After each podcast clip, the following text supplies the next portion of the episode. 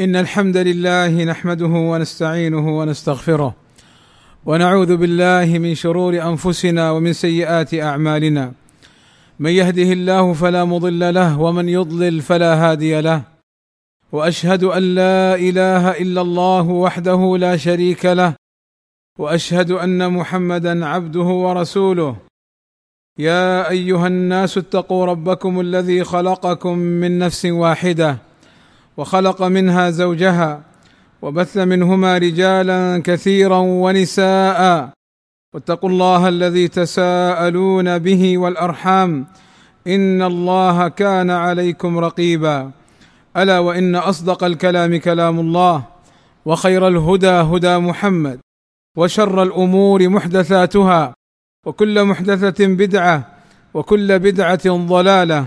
وكل ضلالة في النار. أما بعد فقد أمر النبي صلى الله عليه وسلم بأداء الأمانة والمحافظة على العهود والمواثيق فقال صلى الله عليه وسلم أد الأمانة إلى من ائتمنك ولا تخن من خانك. وقال صلى الله عليه وسلم اضمنوا لي ستا من أنفسكم أضمن لكم الجنة أصدقوا إذا حدثتم. وأوفوا إذا وعدتم وأدوا الأمانة إذا اؤتمنتم واحفظوا فروجكم وغضوا أبصاركم وكفوا أيديكم وأخبرنا النبي صلى الله عليه وسلم أن الخيانة من صفات المنافقين حيث قال صلى الله عليه وسلم آية المنافق علامة المنافق آية المنافق ثلاث إذا حدث كذب وإذا وعد أخلف وإذا اؤتمن خان. ولقد ضرب لنا أنس بن مالك رضي الله عنه مثلا رائعا في حفظ الأمانة حيث ائتمنه النبي صلى الله عليه وسلم على أمر فسألته أمه فلم يخبرها. قال أنس رضي الله عنه أبطأت أي تأخرت أبطأت على أمي. فقالت ما حبسك؟ ما الذي أخرك؟ قلت بعثني النبي صلى الله عليه وسلم إلى حاجة. قالت ما هي؟ فقال أنس إنه سر للنبي صلى الله عليه وسلم. فقالت أمه احفظ على رسول الله صلى الله عليه وسلم سره. قال أنس فما حدثت بتلك الحاجة أحدا من الخلق أي إلى أن مات رضي الله عنه. فتأملوا كيف أنس رضي الله عنه. لم يخبر أمه بما طلبه منه النبي صلى الله عليه وسلم وكيف أن أمه أوصته وأمرته بحفظ الأمانة ولم تغضب منه رضي الله عنهم أجمعين. وللأسف نجد أن بعض الموظفين يخرج من العمل بل وهو في العمل ينشر أخبار العمل يمينا ويسارا.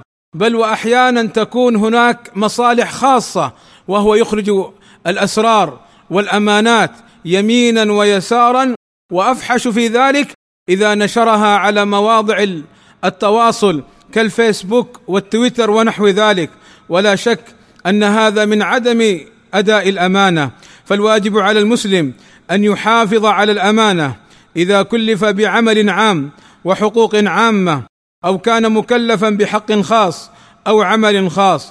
وإن من صور الأمانة المحافظة على الأموال العامة للدولة فمن أخذها بغير حق شرعي فقد أكل الحرام. قال صلى الله عليه وسلم كل لحم نبت من سحت أي مال حرام فالنار أولى به.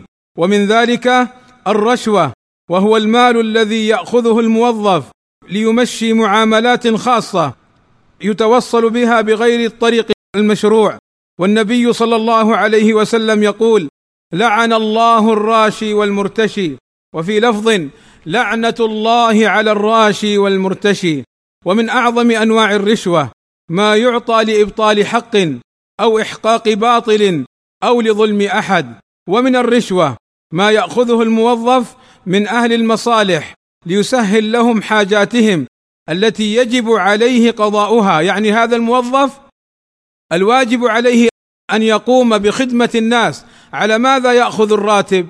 يأخذه ليخدم الناس. فبعض الموظفين يؤخر معاملات الناس حتى يعطوه شيئا من المال فهذا رشوة.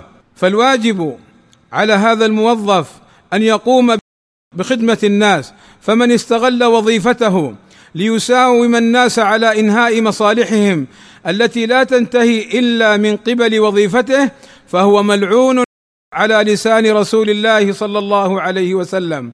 فالرشوة عباد الله محرمة من كبائر الذنوب وإن سميت هدية أو مكافأة أو كرامة أو رضوة أو نحو ذلك من المسميات فإن الأمور المحرمة حرام ولو سميت بغير اسمها.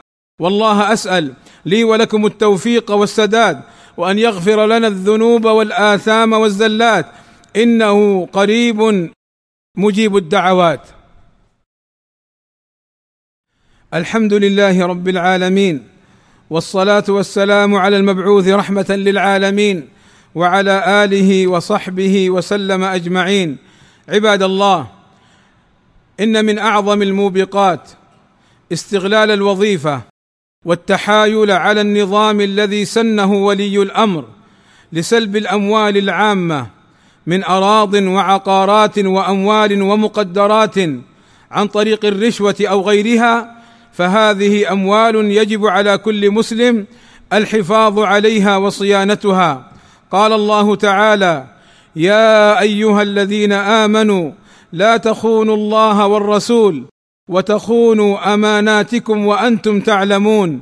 وقال صلى الله عليه وسلم محذرا كل من يتلاعب في الأموال العامة للدولة الإسلامية إن أقواما يتخوضون في مال الله بغير حق يتخوضون أي يتصرفون بالمال فيأخذ منه إلى بيته ويعطي هذا لفلان بغير حق ويعطي هذا لفلان بغير حق الذي أذن له فيه.